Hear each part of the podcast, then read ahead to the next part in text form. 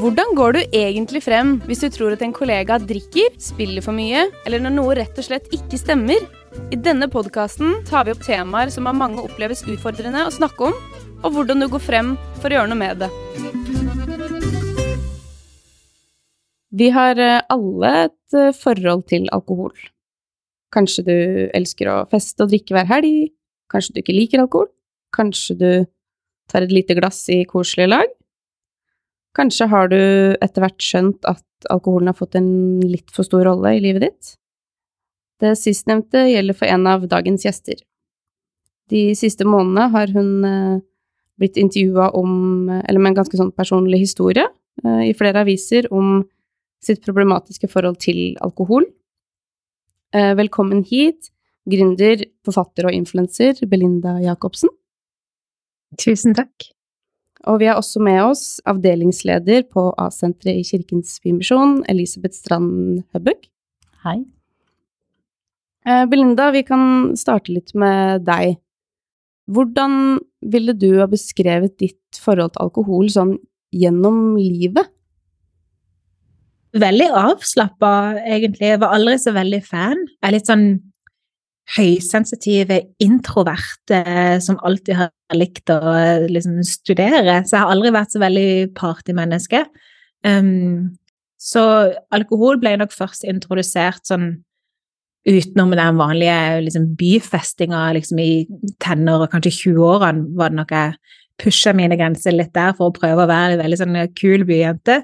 Uh, men det var, var, var nok over 30 der jeg liksom begynte å ta inn alkohol sånn i hverdagen, da.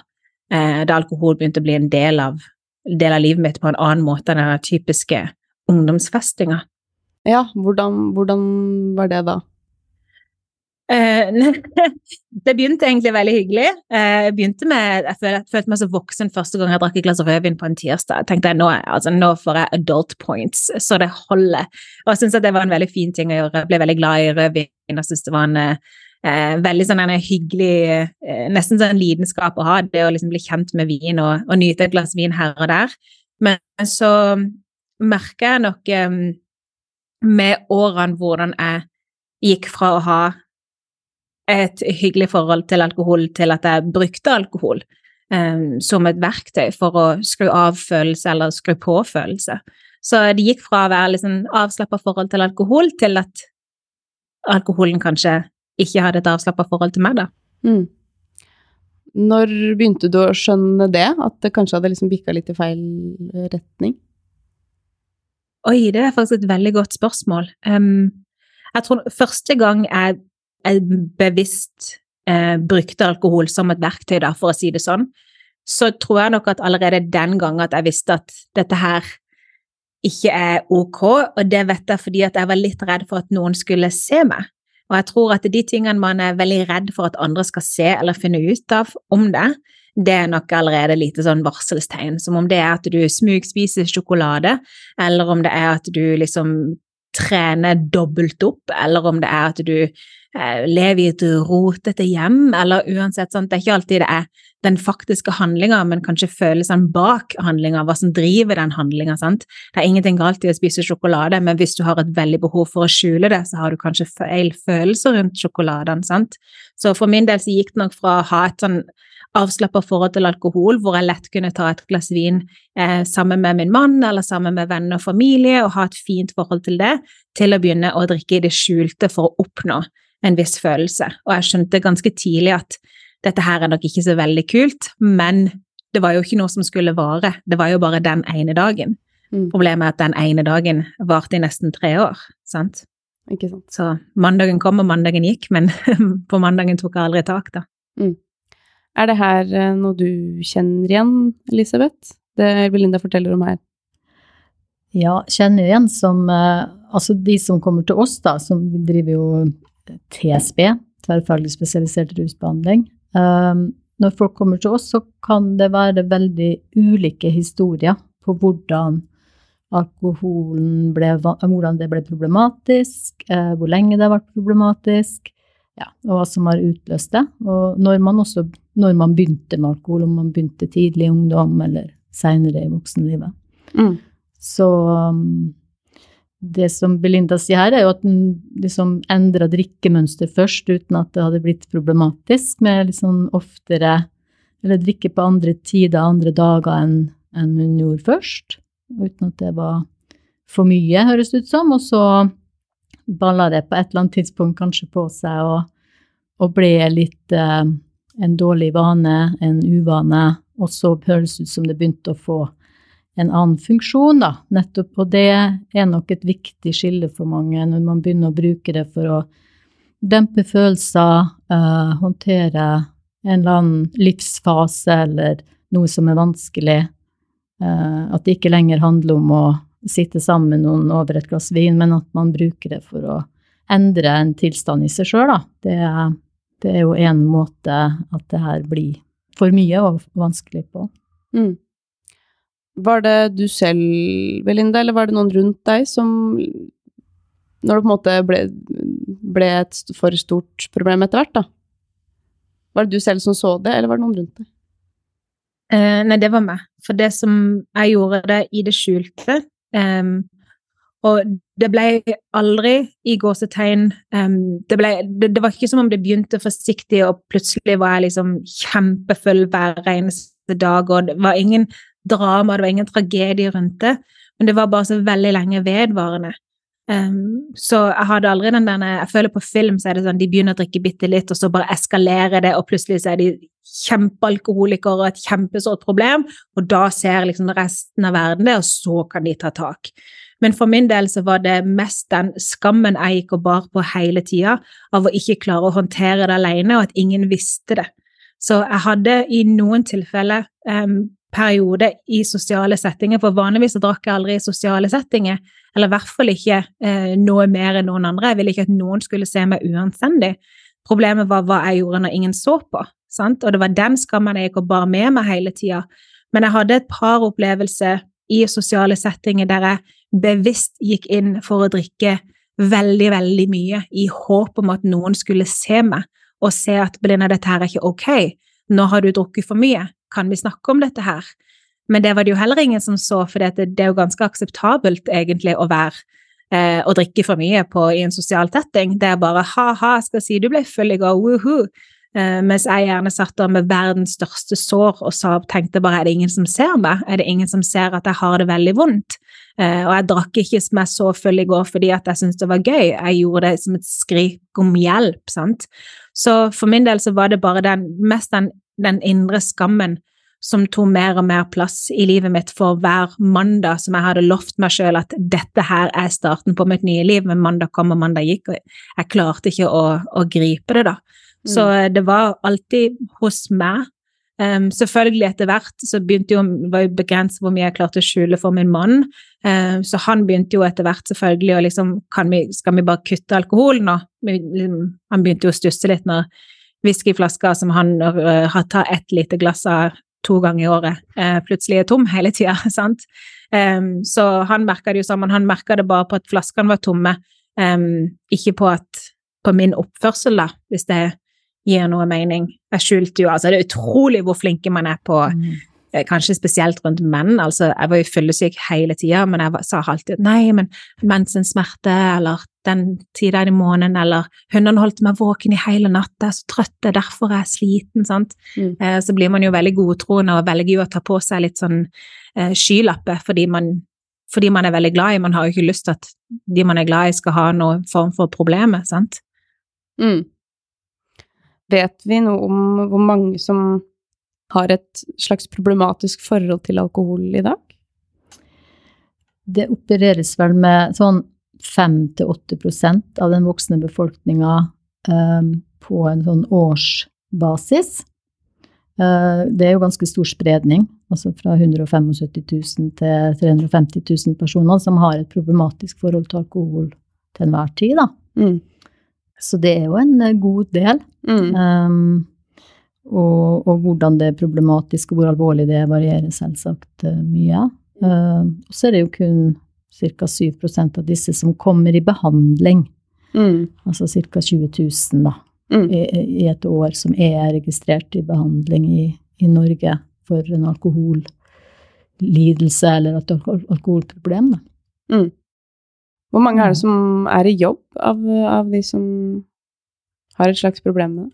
Mm, tall på, på de som kommer i behandling, så er det ca. 44-45% som er i jobb, eller har vært i jobb det året de kommer i behandling, da. Mm. Og så vil jeg nok tenke at blant de den større masten, alle de som da aldri kommer i behandling, at den prosentsatsen er mye høyere. Hvorfor tror du det?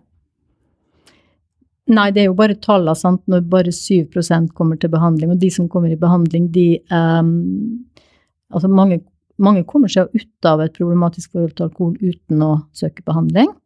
Det er mange veier inn, og det er mange veier ut.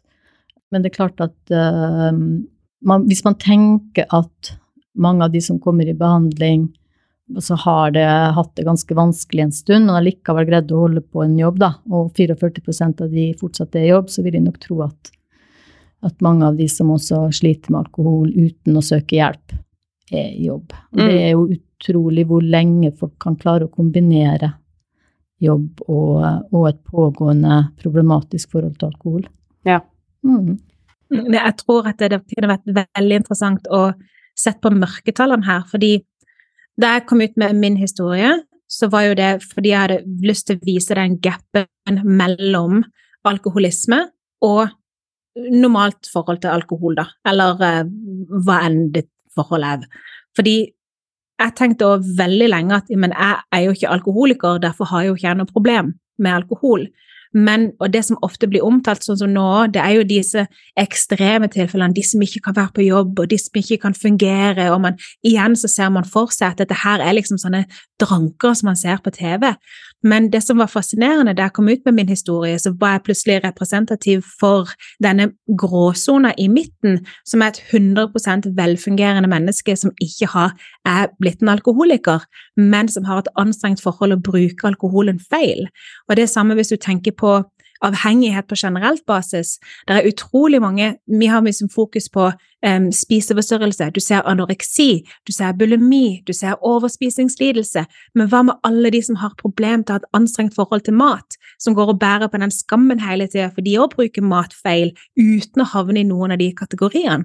Og da jeg delte min historie, så ble det til den mest leste saken på TV 2 i den perioden, og senere, eller om det var før, den mest leste saken på VG.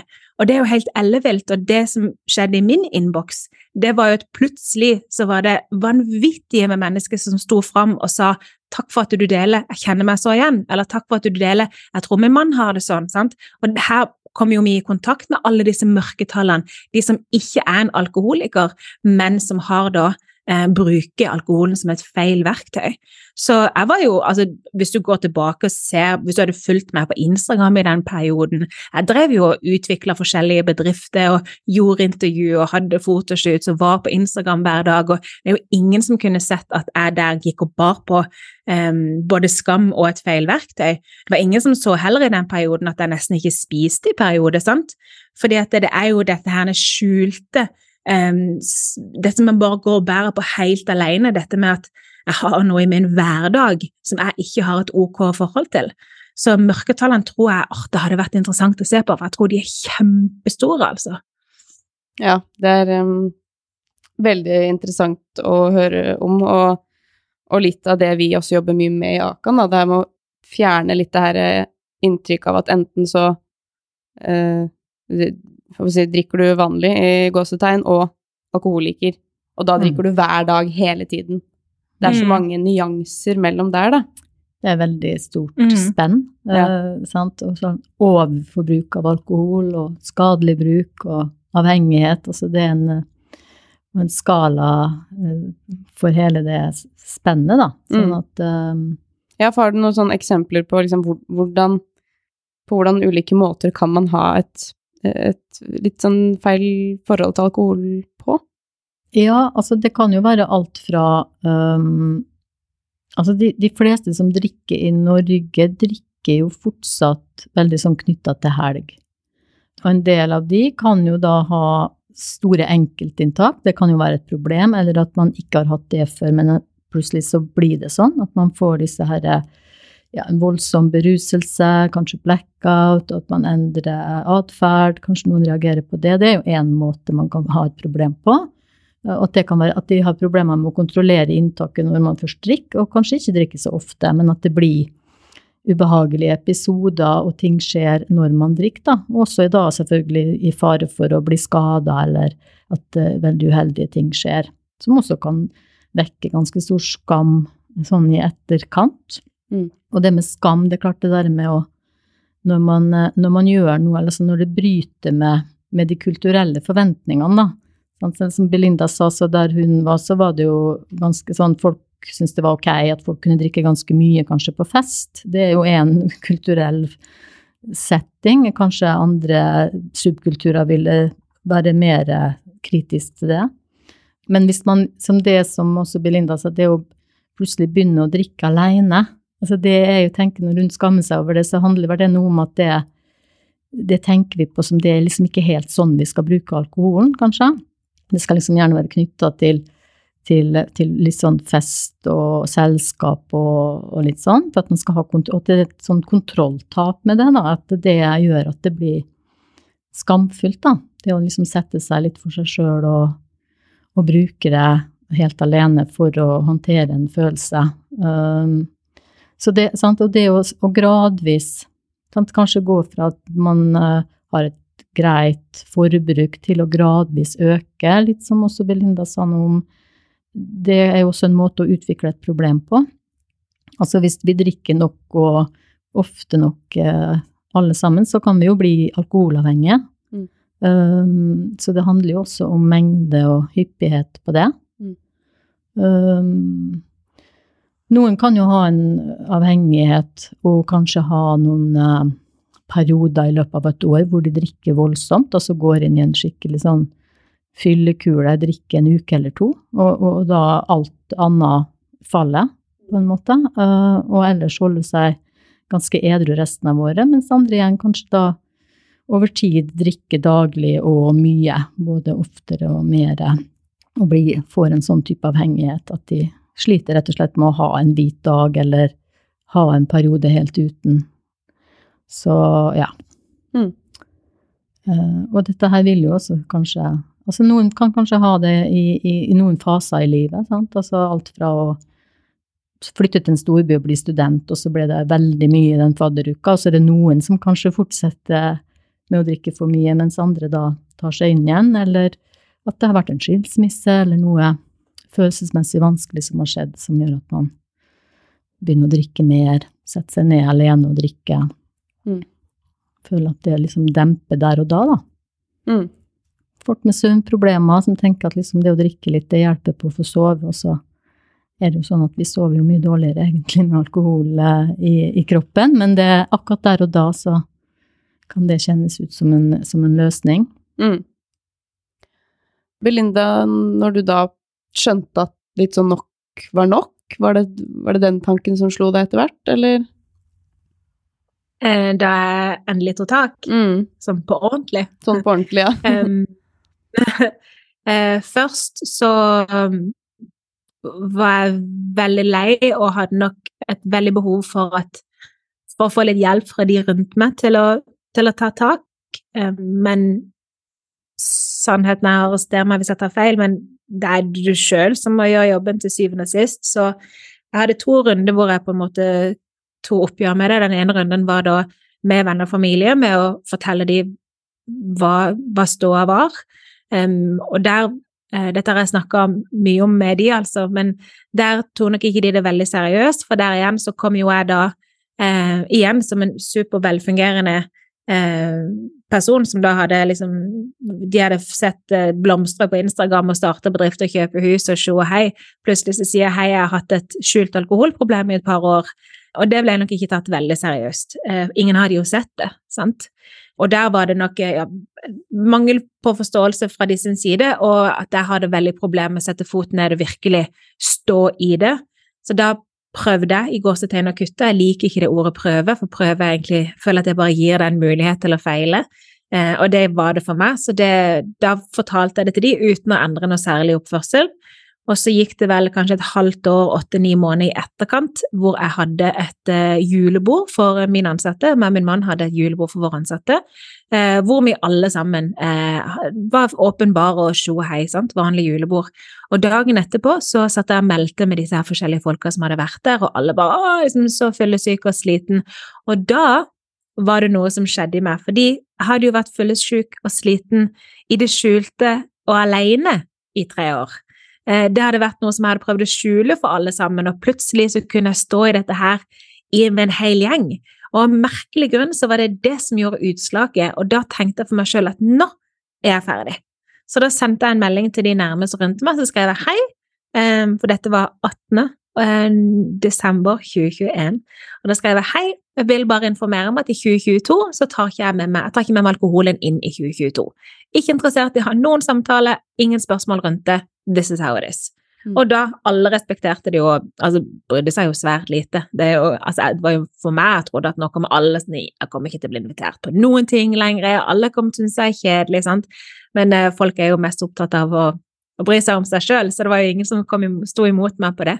For da var jeg så stødig og klar i det. Så det var noe med det å føle på det fellesskapet av den fulle psyken som for min del eh, var det jeg trengte for å bare Nei, denne følelsen skal ikke jeg ha igjen når jeg er ferdig med å føle meg så mørbanka eh, som jeg gjør nå. Mm. Mm. Så du klarte jo da å, å ta, ta liksom grep i eget liv og, og, gjøre en endring selv, eller fikk du noe, noe mm. hjelp utenfra, eller fra andre Nei, den tok jeg utelukkende alene, og jeg har vært litt sånn eh, heldig der i gåseøyne, for jeg har jo snakka med mange i etterkant, jeg har jo sett eh, hvordan et alkoholproblem kan være på en skala fra én til ti, om du vil eh, spesielt i fysisk avhengighetsgrad.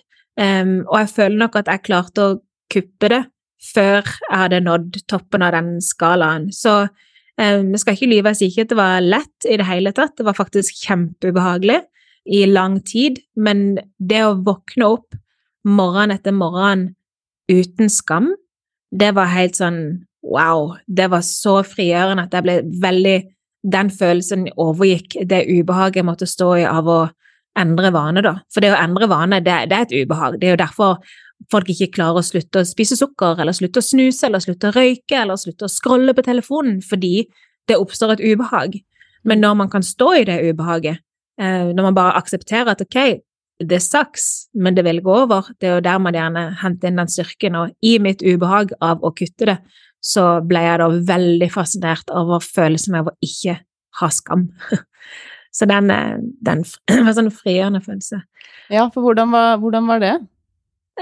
Altså, jeg våkna så mange morgener hvor det første jeg tenkte, var drakk jeg i går, drakk jeg ikke? Klarte jeg meg uten, klarte jeg meg ikke? Hvis jeg drakk, hva gjorde jeg, hva gjorde jeg da? Sovna jeg på sofaen, eller sovna jeg i senga? Har jeg fjerna sminka? har jeg ikke? Er det noen bevis oppe som ikke jeg klarte å skjule før barna kommer? Eh, har jeg huska liksom å skylle ut tekoppen min med som det var vodka oppi, og ikke noe te som jeg drakk etter alle hadde lagt seg? Um, har jeg overspist på fylla? Uh, har jeg sovna på sofaen? Har noen våkna meg? Sant? All denne lista som jeg mm. måtte gå gjennom hver morgen, og hele tida føle meg igjen mørbanka i kroppen og bare tenke at åh, i, nå er jeg ferdig, nå tar jeg, nå tar jeg i hvert fall tre-fire dager uten noen ting, det kan jeg få til. Og så er det bare kvelden kommer, og det første man tenker på, det er jo bare å repetere gårsdagen. Så jeg leste av en um, forfatter som heter Dr. Joe Dispenza. Han sa at um, hvis du ikke gjør noen endring i dag, så vil livet ditt bestå av å repetere gårsdagen. Mm. Og det var òg noe som slo meg i den perioden, at herlighet, det eneste jeg gjør, er å repetere gårsdagen. Og jeg hater gårsdagen. Så jeg måtte lære meg andre verktøy på å håndtere ubehag, da. Mm. Du jobber jo på et behandlingssted mm. hvor um, hva, hva, kan man si om liksom de som kommer inn til behandling hos dere? Hva, hva, hva føler de på for eksempel første dagen, eller hva, hva, pleier å gå igjen? Ja, jeg jobber i poliklinikk, men vi har jo mm. også døgnavdelinger, så det er jo litt sånn forskjell på det også. Det å legge seg inn, eller det å komme til samtaler, da, som de gjør i poliklinikken. Som mm. de fleste jo gjør. Det er jo flere, flere som gjør det enn som legger seg inn. Ja. Og noen trenger jo begge deler. At man uh, prøver poliklinisk, og så må man kanskje det ikke går så godt. At man må ha mer skjerming for alkohol og mer intensiv um, behandling. Og det er veldig forskjellig. Altså, det er veldig forskjellige folk som kommer til oss, veldig forskjellig situasjon, ulike situasjoner. Både på ja, hvor alvorlig problemet er, om de har en avhengighet, eller om det er mer skadelig bruk på vei inn i det. Mm. Um, de fleste altså Det er nok mer vanlig å vente for lenge med å søke hjelp enn å komme veldig tidlig. Jeg skulle gjerne hatt flere til litt sånn tidligere intervensjon, når, de, når de merker at, at nå begynner de å miste kontroll, og det begynner å bli vanskelig. En del syns nok også det er skamfullt å komme til behandling. Um, redd for å kanskje møte noen kjente på venterommet. Um, kan ha tanker om at uh, det er bare de som, som har, har, det sånn, eller som er, er som dem. Um, noen velger jo å begynne i gruppe hos oss, og det kan jo være fint i forhold til akkurat det med skam. Jeg mm. tenker at gruppebehandling kan være ganske sånn skamreduserende. Det å høre at andre har lignende erfaringer, at de ikke er alene i å streve med dette her, da. Mm. Så som du sier nå, så er det, det er mange forskjellige mennesker som kommer inn, og ulike mm, grader av problem. Mm. Sier det noe om hvem som kan få et uh, problem med alkohol? Altså kanskje de fleste? Absolutt. Det, vi må ikke tenke vi og dem, altså, fordi um, man, man, kan jo tenke at uh, de som får uh, rusproblemer, har vokst opp og hatt en vanskelig barndom, og, og, mange har det, men det er veldig mange som ikke har det. Um, det kommer folk til oss som har uh, gode stillinger, fast jobb, har familie, hus, alt intakt. Um, sånn sett. Um, men, men, har hatt et problem i mange år, og før de endelig liksom tar mot til seg og, og søker hjelp. Men vi har jo Det kommer jo også folk som, som kanskje har vært ute av arbeidslivet ganske lenge, og som ikke har kanskje så mye rundt seg. Så det er liksom hele skalaen på det. Mm. Um, mm, og også liksom hva folk hvilken målsetting folk har, hva de, hva de, ser for seg videre. Om de liksom tenker at de skal slutte å drikke, eller om de ønsker å prøve å få mer kontroll. og om de skal ta en, uh, i hvert fall en, en periode helt uten, så, men ikke sikker på om de vil velge det for alltid. Så alkohol er jo mye til stede i samfunnet. Uh, så hvis du skal stoppe å drikke, så, så, ja, så skal du møte mange nye situasjoner uten å ja. Det, og det er jo vanskelig å endre seg. Det er det jo for alle, om det er alkohol eller om det er andre typer vaner, uvaner, mm. eh, livsstilsendringer. Så det, det, tenker jeg alle egentlig kan kjenne seg igjen i. Det der å tenke at uh, nå skal jeg begynne med det eller slutte med det, og så går det, går det et par dager, og så er man på'n igjen, liksom. Ja, det var litt det du også nevnte med, med eh, vaner, Belinda. Litt uavhengig av hva det er, på en måte. Mm. Men uh, da du valgte liksom et hvitt år, eller hva man skal kalle det, um, møtte du noen sånne sosiale situasjoner og sånt som, som, ble utfordrende på noe vis, når du ikke da skulle drikke alkohol lenger? Ja, absolutt. Det var flere mennesker som, eh, som syntes at det var fullstendig idioti, eh, og nesten som en eh, fornærmelse overfor de at, at, jeg valgte å ha noe annet i glasset enn det de hadde. Um, og det var noe jeg hadde grudd meg veldig til, for jeg, jeg, trodde at det kom til å gjøre meg veldig usikker. Men så handler det litt om, om grunnen til at man gjør det man gjør. Og grunnen til at jeg gjorde det jeg gjorde, var fordi jeg Altså, det høres så klisjé spyr litt i munnen min av å si dette her høyt, men når man, når man kommer til det punktet at man faktisk er glad i seg sjøl, og man unner seg sjøl noen gode ting, og begynner å behandle deg sjøl som om du er en, din egen gode, gode, nære venninne, eller behandle deg sjøl som om du er din egen datter, hvis så er, så er det ikke lenger så, lenge, lenger så veldig ubehagelig å si nei, eh, og vite at man gjør dette her av ren kjærlighet til, til deg sjøl, fordi at du, du syns at du fortjener å ha det godt i livet.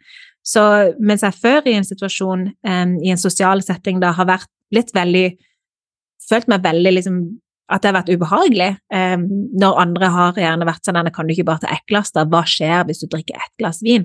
Så har jeg nå um, sett for meg en sånn situasjon at hvis dette her er min gode venninne, eller hvis dette hadde vært min datter, har jeg ønska at hun bare skal si da nei, ok, jeg kan ta ett glass, og liksom gi slipp på en så stor del av henne, eller skal jeg liksom liksom gi henne all mot og kraft til å bare stå i det og si vet du hva, jeg skåler eh, med deg med litt kombucha istedenfor, sant, og så har vi en hyggelig aften. Eh, så jeg merka veldig fort at den energien jeg sjøl tok inn i en sånn en sosial setting, var nesten avgjørende for hvordan jeg ville håndtere dette eh, drikkepresset, om du vil, som, som, jeg føler at vi alltid vil, vil, få. Og nå har jeg, tidligere så har jeg hatt, eh, eller jeg har ofte perioder hvor jeg ikke rører sukker, og da er det et sukkerpress fra alle. sant? Og så har jeg hatt perioder hvor jeg ikke rører noen ting animalsk, og da er det plutselig kjøttpress overalt. sant? Så dette her presset utenifra tror jeg vi vil, opp, vi vil stå i i så mange forskjellige situasjoner dersom man ønsker å gjøre noe som er litt utenfor normen. Eh, så hvis man bare kan gå inn i de situasjonene disse sosiale settingene med denne eh, energien av at du gjør dette her for deg sjøl, ikke for noen andre, så kan det være litt lettere å stå i det. Eh, og jo sterkere du står i det, jo mindre bryr andre seg.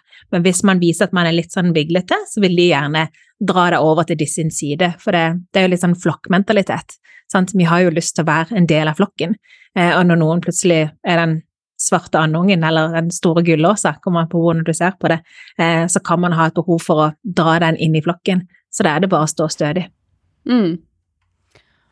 Og litt det du var inne på i stad med hvilke reaksjoner du har fått på at du har delt øh, din historie, som, som, du sier ikke handler om at, man, om at du drakk hele tiden hver dag, men, men det, det, kunne kanskje gått dit en gang.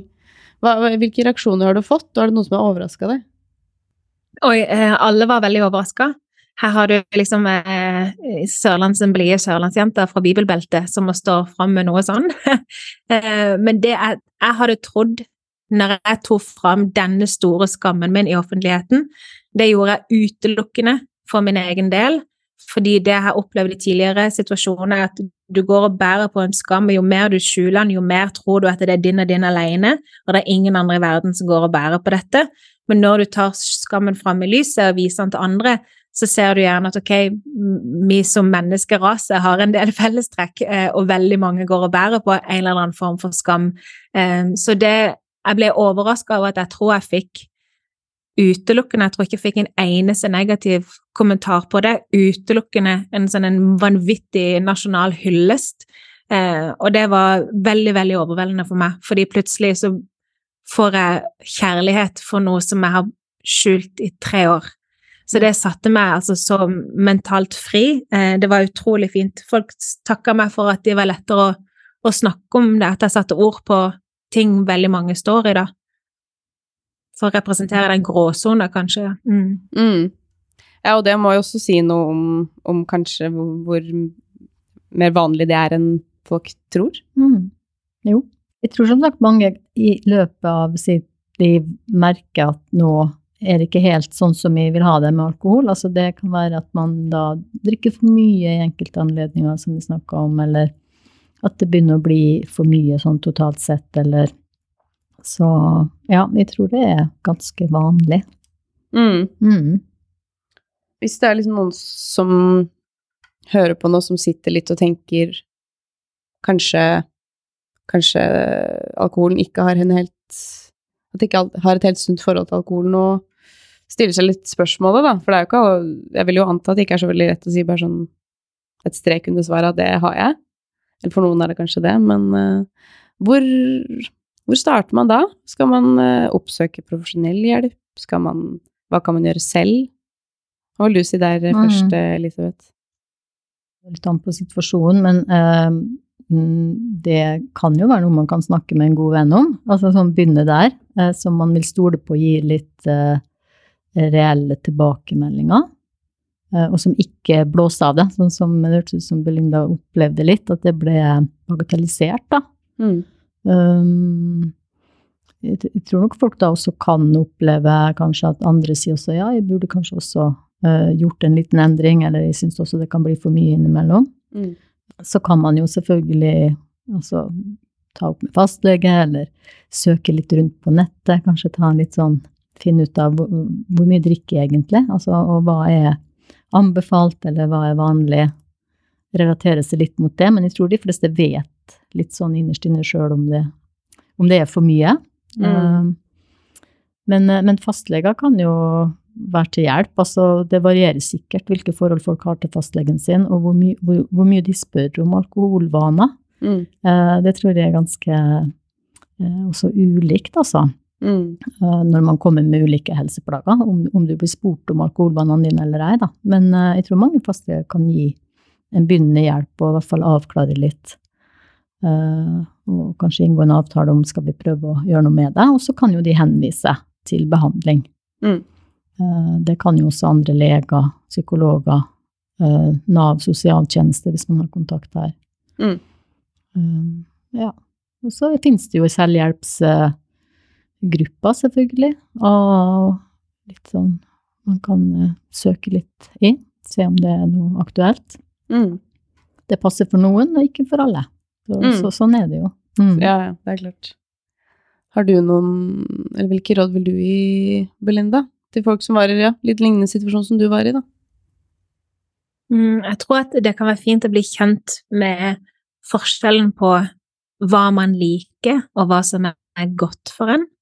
Um, fordi veldig lenge så trodde jeg at siden jeg ikke alltid drakk så mye, um, men bare drakk ofte altså, jo, Når man har en dårlig uvane, så vil man jo gjøre for alt i verden eh, beskytte denne uvanen eh, og komme opp med alle grunnene til at dette her ikke er så ille.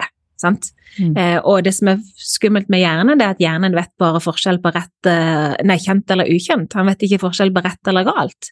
Så din nye uvane, den blir et sånn kjent farvann for hjernen din. Og så kan du gjerne ha en litt sånn liksom, underbevissthet som sier men bank, bank, dette her er egentlig ikke så bra for deg, og så vil du da komme inn og bare beskytte den, sant? for å kunne holde deg på kjent farvann. Så det er derfor det kan være så vanskelig å, å endre en vane, fordi hjernen din, når du, når du endrer en vane og går fra eh, noe som er dårlig for deg, til noe som er bra for deg, så opplever hjernen bare at du går fra kjent farvann til ukjent farvann, og da vil den på en måte prøve å dra deg tilbake igjen, til tross for at han drar deg gjerne tilbake igjen til en plass som ikke er bra for deg. Så det å bli kjent med hva er forskjellen på hva som er godt for deg, og hva du liker, fordi det du liker, er ikke nødvendigvis godt for deg, sant? Så hvis man kan bare begynne der og prøve å finne ut ok, jeg liker dette her, det er en enkel quick fix, men er dette her oppriktig godt for meg? Og så kan spørsmål nummer to være, har jeg lyst til å leve et liv hvor jeg heller gir meg ting som er godt for meg? Og derifra så må man da ta en liten eh, avgjørelse på hva er veien, klarer jeg dette her alene? Vær litt sånn Vær åpen og ærlig med deg sjøl. Jeg kjenner meg sjøl veldig godt. Jeg vet at jeg er dritflink på disiplin, eh, og jeg kan håndtere sånne kraftige ting som veldig mange andre syns er veldig vanskelig. Kutte nikotin, kutte sukker, kutte animal. Begynne med ditten, begynne med datten. Dette her kan jeg. Men jeg syns òg at terskelen for å be om hjelp burde vært utrolig mye lavere. Om det så er en samtale, eller om det er en gruppe, eller om det er å legge seg inn. Men man må bli kjent med hva er det jeg trenger. Du må være ærlig med deg sjøl, om deg sjøl, eh, og lage en slagplan for deg sjøl. Og hvis du lager en slagplan basert på den enkle saken om at du mener at du fortjener gode ting, så kan det være litt igjen litt lettere å stå i det ubehaget eh, som oppstår. Og hvis man bare kan stå i det, det tar ikke så veldig lang tid før det begynner å føles dritbra. Men man må kanskje akseptere at starten vil være kjip, og det er helt ok, det skal en være. sant? Mm. Og så plutselig så begynner, det å slippe. Så, um, men det å begynne med å, å bli, bli litt kjent med, med, med årsaken istedenfor bare handlinger, da. Mm. Ja, veldig gode råd, og godt, godt forklart, egentlig. Um, så vil jeg litt sånn mot slutten, det du sier med at når, da du fortalte det familie, så ble det kanskje litt sånn bagatellisert. Tror du det sier noe om alkoholens rolle i det norske samfunn? Eh, har du gjort deg noen tanker rundt, rundt det? At, eh, hvorfor det liksom ikke ble tatt mer alvorlig? Jeg tror um, det er et dikt som Nelson Mandela har, eh, har nevnt det flere ganger, som heter Our Deepest Fear av Marian Williamson. Og det diktet avsluttes med en setning som basically veldig godt eh, og enkelt oversatt sier at dine handlinger gir automatisk andre tillatelse til å kopiere de. Sant? Så vi veldig ofte er bare speil for andre. Så hvis jeg da sier til noen rundt meg at hei, jeg har et ufint et ukult eh, forhold til alkohol, og jeg vil endre det. Så vi holder veldig ofte opp et speil til andre, og det er ikke mange som har lyst til å se inn i det speilet ofte. Da igjen er det lettere hvis bare det speilet blir lagt ned, sånn at ingen må gjøre noe selvransakelse av noen som helst grad. Så jeg tror at det er litt sånn denne menneskelige greie, igjen tilbake til denne flokkmentaliteten, at vi egentlig bare vil passe inn, og vi har ikke så veldig lyst til å gjøre endringer. Og hvis andre gjør endringer, så betyr det at vi òg kan, og det er ikke alle som er klare for det. Så det merker jeg veldig på de, de menneskene jeg kjenner som er veldig sånn selvsikre, som har gjort mye selvransaking og sånne ting. Altså, jeg kom til de og sier jeg drikker ikke vin, så sier de ok, fett, hva vil du ha, vil du ha vann, vil du ha kombucha, I got it all. Mens de som gjerne ikke har gjort den jobben, de blir veldig sånn her Oi, ok, men det var jo litt kjipt, fordi jeg har faktisk kjøpt inn en flaske vin. Kan du ikke ha ett glass engang? Er det ubehagelig hvis jeg tar et glass? Sant? De går med en gang der og ser inn i et speil de ikke har lyst til å se inn i. Så um, jeg har måttet lese meg litt opp på akkurat dette her, fordi jeg syns det har vært veldig fascinerende å se andre sine reaksjoner på mine valg. Hvor stort det er for enkelte andre hva jeg har i glasset mitt. Og veldig ofte, spesielt um, her hjemme, da. Vi, nå bor jo jeg i Spania, og vi har jo masse masse besøk hele tida og har ofte fine middager, og jeg dekker på med vinglass, og noen fyller det med brus, noen med kombucha, noen med vann, noen med vin. sant? Eh, og det er veldig interessant å se på hvem som reagerer på hva andre har, enten på sin tallerken eller i sitt glass, eh, og hvem som bare ikke bryr seg noe om det. Så um, ja, det, jeg synes menneskeheten er mye en fascinerende rase. Ja, det er vel sikkert ikke ukjent for deg det der med at andre henger seg opp i andres alkoholvaner, og vel, man velger å drikke alkoholfritt eller ei.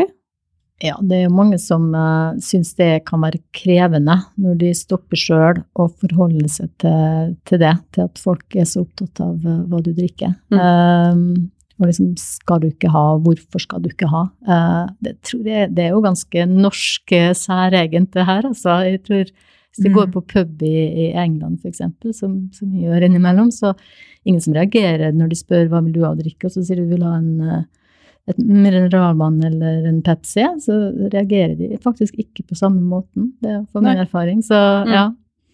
Mm. Det var nylig noen som spurte meg hva som skjer hvis jeg drikker et glass vin. Og da sa jeg vet du hva, det er helt sykt, for jeg får sånne ørene begynner å stikke ut, og så får jeg sånne luftventiler bak, og så blir det nesten som vinger, og så blir jeg for en sånn drage. Og da skjønte de at ok, herlighet. Så jeg vet hva, det skjer ingen verdens ting. Jeg sitter her med deg og drikker et glass vin. Mm. Men problemet er at hva som skjer etterpå, kanskje. Hva som mm. våknes i meg. Hva jeg har lyst til å gjøre når jeg kommer hjem og er alene. Sant? Mm. Det er det. Så ja, mm. utenom det så forvandles man ikke til en hulk eller noe som helst. Ja, for er, hvordan er liksom forholdet ditt til alkohol i dag, og, og hvordan har du det nå? Jeg vet ikke. For å være helt ærlig så tror jeg at jeg kommer til å bruke lang tid på å finne ut av det. Um, jeg har hatt perioder hvor jeg tenkte at eh, nå er jeg frisk og fin eh, og immun og vil aldri mer reagere negativt på alkohol. Eh, og så drikker jeg ett glass, og før jeg vet ordet av det, så har jeg drukket tre. Og det var ikke, var ikke, noe jeg skulle i det hele tatt. Og så våkner jeg opp morgenen etterpå med den angst- og skamfølelsen igjen. sant? Som da har jeg da tatt Ok, nå tar jeg noen måneder igjen uten å røre noen ting. Um, så jeg håper jo at jeg kan For jeg har hatt òg flere situasjoner hvor jeg har med veldig sånn gode intensjoner bare hatt et glass rødvin med min mann over en god pastarett, sant? og that's it, og ikke tenkt noen ting mer over, eh, over det. Og det er, litt, det er nok der jeg håper at jeg en dag kan, eh, kan lande, men det er nok litt for tidlig å finne ut av. Men det jeg er veldig stolt over, det er at jeg ikke bruker alkohol som et verktøy. Uh, det er ikke noe jeg rører hjemme, det er ikke noe jeg rører alene, så der kjenner jeg mine grenser. Jeg, ikke, jeg skal ikke skru på noen følelser eller skru av noen andre. Nå har jeg lært det mye bedre verktøy på å håndtere hva enn livet vil kaste mot meg av stress eller utfordringer. Men jeg uh, syns jo at rødvin er veldig godt, jeg håper jo at jeg kan, uh, at jeg kan ha utvikle et fint eh, og balansert forhold til det. Hva, hvilke nye verktøy har du da erstatta det med? Veldig gøy at du spør, fordi i år så kom jeg ut med en helt ny bok som eh, ble en bestselger i Norge. Vi solgte ut eh, tre opplag på tre uker. Boka heter Bedre på livet, som blant annet inneholder eh, disse verktøyene. Eh, for hvis jeg skal begynne å snakke om de nå, så må vi sette av en to-tre timer eh, for, for, å gå inn på, for det er, det er, en livslang reise, det å begynne på reisen av å bli kjent med seg sjøl, bli glad i seg sjøl og lære å ta gode valg for seg sjøl. Det, det, er en veldig lang reise, men eh, det er mange ve veldig fine verktøy. Så hvis man er, er, interessert, så kan jeg da gjøre liksom snikreklame for boka mi eh, Bedre på livet. Der får du alt du trenger på å begynne på den reisen. Veldig bra. Da høres det ut som du har eh, At det er liksom en, en ganske sånn lang, og, lang reise, da. Ikke sant? Det er ikke bare å knipse. Nei, det er ikke bare å knipse. Det er det absolutt ikke. Men det er, fordi om reisen er lang og noen ganger uoversiktlig, eh, så er det kanskje den fineste reisen jeg anbefaler noen å gå på. Rett og slett det å, det å begynne å ta bedre valg for seg sjøl. Det å ikke bare la morgendagen repetere gårsdagen. Mm. Ja, det er viktig. Altså, sant, det er jo mange som syns det er vanskelig å skulle si farvel til alkoholen for alltid. Selv om de har vært også avhengige over lang tid. Og, men det å, øh, å, ha noen veldig klare øh, regler for seg sjøl, hvis man skal bruke det moderat, da, er, er jo viktig. Som eksempel det å ikke drikke på vanskelige følelser eller stress, eller mm. eh, kanskje noen må også ha at de, de, skal ikke drikke alene i det hele tatt. Og, mm. og også grenser på hvor mye. Og det kan jo det kan være slitsomt å skulle liksom holde det og sette sånne rammer. Og, eh, og noen syns jo kanskje det blir lettere å være totalavholden eh, hvis de sliter veldig med det. Men, eh, men, det er jo mange som ønsker å ha et forhold til den alkoholen videre, da, selv om det har vært eh, vanskelig over lang tid. Mm. Mm. Og, det er jo egentlig og, litt teit at man ja. Nei, beklager.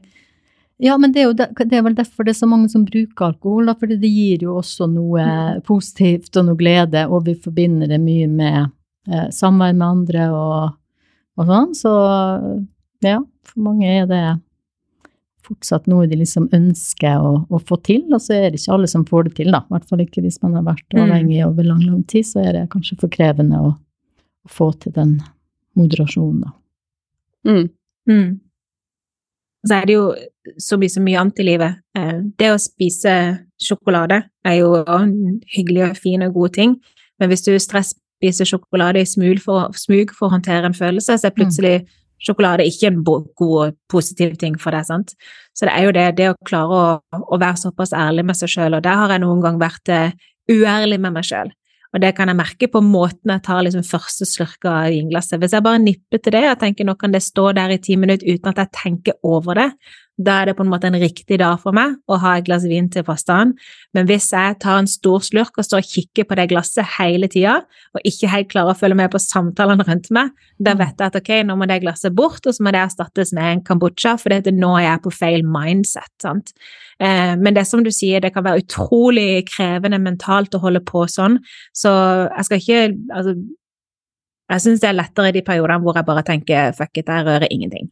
Eh, mm. Jeg syns det rett og slett mentalt er litt lettere.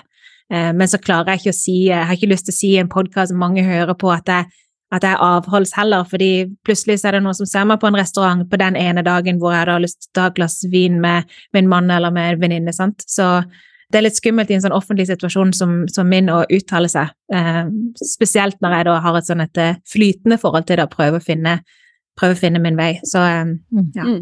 jeg aner ikke. Nei, ikke sant. Men det er jo forfriskende ærlig og fint å si òg. For jeg vil tro at det er en veldig mm. sånn prosess, og veldig individuelt òg, for, for, alle. Ja, og veldig individuelt. Mm. Og så er det jo nytt, og, ja, og det å klare å faktisk få et uh, kontrollert forhold, da, som ikke fortsatt blir problematisk. Altså, noen får det jo til, og, mm. og, noen blir det rett og slett for vanskelig for, så ja. Mm. Mm. Jeg tror vi egentlig nærmer oss slutten på en veldig, veldig fin, ærlig og, og lærerik samtale. Uh, med mindre noen, noe av dere ønsker å legge til? Nei, jeg kan bare si um, det der med å, å, takle disse sosiale settingene uten Det høres ut som du gjør godt, Belinda, og du er kanskje hjulpet av at du du er litt ekstrovert, og du har, uh, har, en del selvtillit også i sånne situasjoner. Vet du hva, jeg er superintrovert. Ja, ok. det virker ikke sånn her og nå. Men, men for, for noen så er, det, så er, jo det, vanskelig. Altså noen som kanskje har, ha, hvor alkohol har blitt problematisk på den måten, at de nesten liksom har drukket før de skal, skal møte noen, eller før de skal i en setting, fordi de Mm. og syns det er mye vanskeligere å håndtere disse spørsmåla, eller at, at folk plager deg litt med 'skal ikke du ha et glass'? Og, så det er jo litt sånn forskjellig fra person til person, da, hvor, Mm. hvor godt man står Vet i det. Der har jeg faktisk et godt tips, fordi eh, denne ekstroverten du møter akkurat nå, Ja. den kan jeg på en måte ha på en god dag, men Mm. når jeg skal i sosiale settinger ikke har den, for det er ikke alltid man har den kampen i seg til å stå i det, sant? Mm. Eh, de dagene så har jeg faktisk bare takka ja. Så når de da sier 'vil du ha et glass hvit', sier jeg ja takk, og jeg tar gjerne kombucha i tillegg. Fordi så fort det vinglasset står, så er det ingen som bryr seg. Ingen som ser om du drikker det engang. Mm. De bare ser om du takker ja eller nei.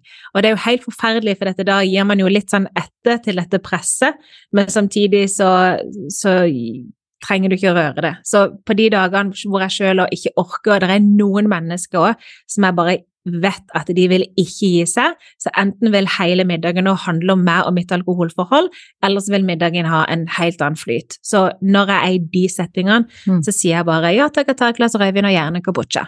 Så står den rødvinen der, og jeg toucher den ikke. Men da holder i hvert fall folk kjeft. Så det er en liten sånn en lurifaks man kan ta eh, i sånn spesielt krevende situasjoner, da. Mm. Tusen, eh, tusen hjertelig takk for at dere begge to ville være med i podkasten vår, Ta praten. Takk for at du ble Tusen takk for at vi kunne komme. Mm. Takk for at du lytta til podkasten. Husk å abonnere, så får du neste episode direkte til mobilen din. Ønsker du mer informasjon om hva du kan gjøre, gå inn på akan.no. Er du bekymra? Ta praten.